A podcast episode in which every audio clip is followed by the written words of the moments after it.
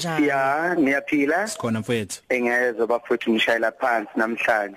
Yeah. hey kufanele. Awusitshele wena eh, eh, uqala ukubona isilo. Wasibona kuphi nendawo? Eh selfie lapha ya eCasanova. Hawu. Eh i- ibiyenziwe iCasanova ngendlela Hayi. yokuthi ibi- inama levels amathathu. Hayi angisaziki eh ku- kune level ephakathi nendawo eyayifakwe ama couch eh kwakuhlalwa kuyona eh, yayingangeni nombani laba bathenga iphakethe elithe ukujula babengena bahlale lapho badle futhi balethelwe neziphuzo balethelwe yonke into kwangayona indawo evulelwe noma ubani. Ilapho kokuqala nqa engabona khona isilo kuleyo ndawo kodwa futhi wawubona ukuthi akusondeleki eh kwakuve kwakunabantu abamile lapha ya abama bodyguards abamaye kodwa noma nidlula niyothenga ezinye izinto nanisibona lapha isilo. Yileso sikhathi sokuqala nqa engambona ngaso. Buza uselb ukuthi ngithenge mina ngahlangana kuphi nayo kokuqala eh wahlangana kuphi naye, iyo Njomani? yona iyo yona leyo Casanova yo emene Awu Njomani ave uthanda izinto. Ha kanti ukugqoka wakuthanda umngakanjani wawuyofuna ibiblos nezek nalapha Brian? Neumberto. Siphila khona lapho no egg na zonke lezo zinto kwakuyithi labo nama Versace credit guarantee ne surety ship Brian sikhuluma ngayo namhlanje. Eh angibingelele eh, njengoba ngibingelela umlaleli eh wokhoze FM 12 to 3 cafe. Eh asiqale lana eh emlaleli. Nansi indaba.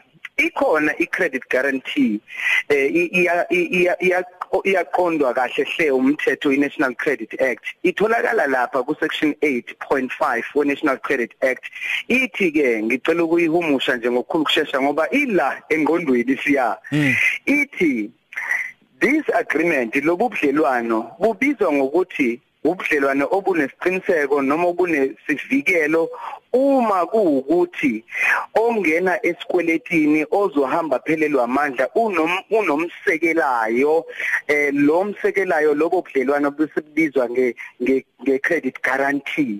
Okusho ukuthi iphakethe lakho alijulile ngendlela egcwilisa umuntu okunika isikweletu.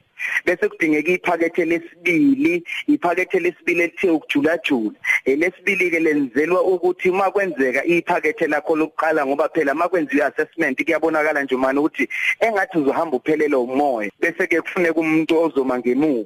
Lo muntu ozoma ngemuva kuye ukuthi izinto mazixaka empilweni ke iyabuya ke indaba ibe ngaye. Kodwa ke mhlawumbe ungakabuzi ake ngiqale ngiqwashisa umlaleli la. Ikhona informal credit um, guarantee ishortship engekho formal. Leyo surety ila khona nje manje ngiye ngabuka ku MacG i-podcast yakhe ethi since wathathela umuzi eh, wasikhokha isikweletu kodwa ke igama lakhe liselibi. Cha ngithi mina ke akwazi ngoba uthi wasikhokha isikweletu. Sekufanele ukuthi ayobheka igama lakhe libuye libuyele li- lilunge ngoba awukwazi ukubhalwa kabi usukhokhile ungasakweleti imuntu kodwa fast forward ngokungazi kwakhe uthi uqabanga ukuthi mayofuna imoto uyosebenzisa eh, imininingwane kama wakhe. Ukusho ukuthi akusiyena ozongena uzongena ngoma wakhe. Informal shortship leyo noma informal credit guarantee akusiyena unjomani unjomani ngenxa yokuthi uma wakhe uyamthanda ngenxa yokuthi eh, umalume wakhe uyakuthanda athi hayi ngizongena mina imininingwane yami kuphela ezohamba phambili. Okubi ngaloko njomane eh engifisa ukuthi umlaleli aqwashe kona kubi ngendlela yokuthi uma ngabe nje usungasatholakala nokutholakala lo muntu lokasala nesikweletu kanjalo sibheka yena ngqo leso sikweletu kubhlungu ke noma ngabe umuntu umthanda kangakanani ungayofaka imininingwane yakho ngoba abamazi yena. Njomane kaningi ngithola abantu bethi kumina wangivulisa iaccount sasishadile wangivulisa iaccount wathi angene sisebenze naye.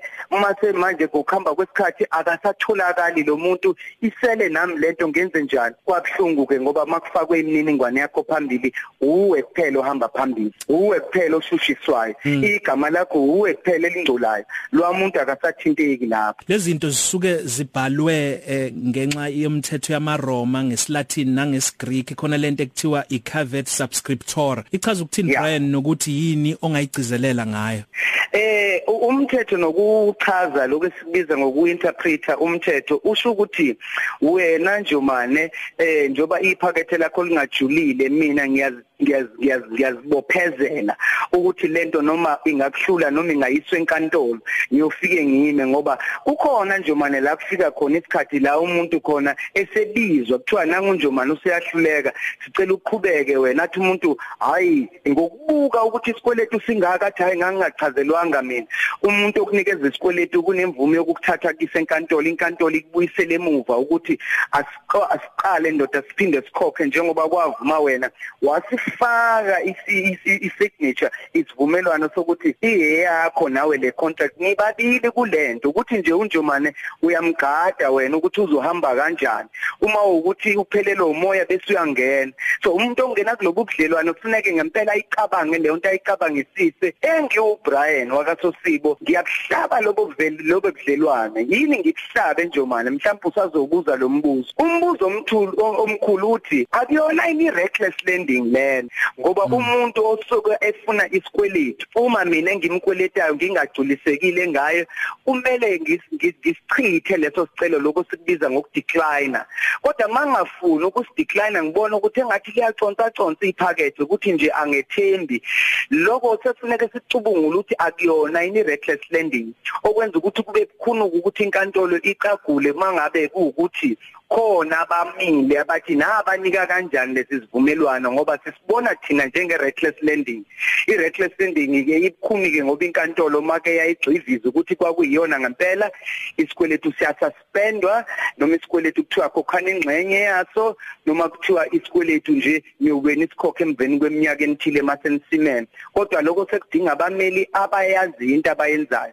Bheka wena bhekisisa ukuthi lo muntu ozokucela ezokhala inyembezi zozithi ucela uzoba yisurety ngempela inhliziyo yakhe yavuma yini? Ngoba okokuqala nje manje kusho ukuthi iyamhlula lento ibhangi noma umkweletisi uma ncika ncika wena ke wesithathu lokusibiza nge-third party osuzongena ebudlelwananini vele obu-volatile obumanqikanqi obunteke nteke sekuyinkinga ke leyo. Noma umuntu angaze akhala inyembezi uma ungenawo ucash ukuthi umsize vele nje uthi mfowethu dadewethu sisiwami sengomane ngikhulekise lento ukuthi uyithole uma uyithola. Mawungayitholi futhi ayikho inkinga kokubuye livele elinye ithuba. Ngoba kaningi la khona sibona sekudonselwana ezinkantolo kubangwa yona lento wasayinda nje njomane awusakwazi ukuphuma. Kufuneka uzuyilwisise leyo mpima ukuthi ufuna ukuphuma. Intuba iyodwa ukuthi nje uvele uqagula indaba ye reckless lending. Okungelula ke ngoba izikhondla khondla zabakweleti sinabameli nabo eh ama advocate akwazi ukulibeka udaba. Zinanama senior eh council ama advocate akwazi ukulibeka udaba. Bane experience ungenze kuluze uluze necala ukhokha indleko uphinde ubuyiselwe emuva esikweletini owazibophezela ukuthi mm. uzosikhokha. So qaphela kakhulu ukuthi ungangeni kulobu budlelwane. Ngikusho lokhu nje manje okugcina baningi abantu engibatholayo abathi ngenza njani Brian? Ngangishadile sasihlelisene nalomuntu sasishade in out of community of property yonke into ibhalwe ngami wadla phansi ngenza njani? Kubhlungu kunjalo. Ayikho irecord. Kumele uqhubeke ukhokho uzuqeda siyabonga kakhulu Brian. Sikuthola kanjani mangabe sikudinga? Yatholakala eh benambeni yami ya WhatsApp ithi 083 623 1391 ngemibuzo. Awushaya link ase P4 lapho na nangu Thaba Busiwe sipho mabuza uyahlupha uthi kodwa ngikushayela uthi ngikushayele sure. P4 radio 99.5 the heart, heart and, soul. and soul of KZN sharp right. Abuhlupha sharp right. Yeah. Usiyani uselbeyonce kwi lunch time yakho ehamba phambili. 12 to 3 cafe. Ukhozi FM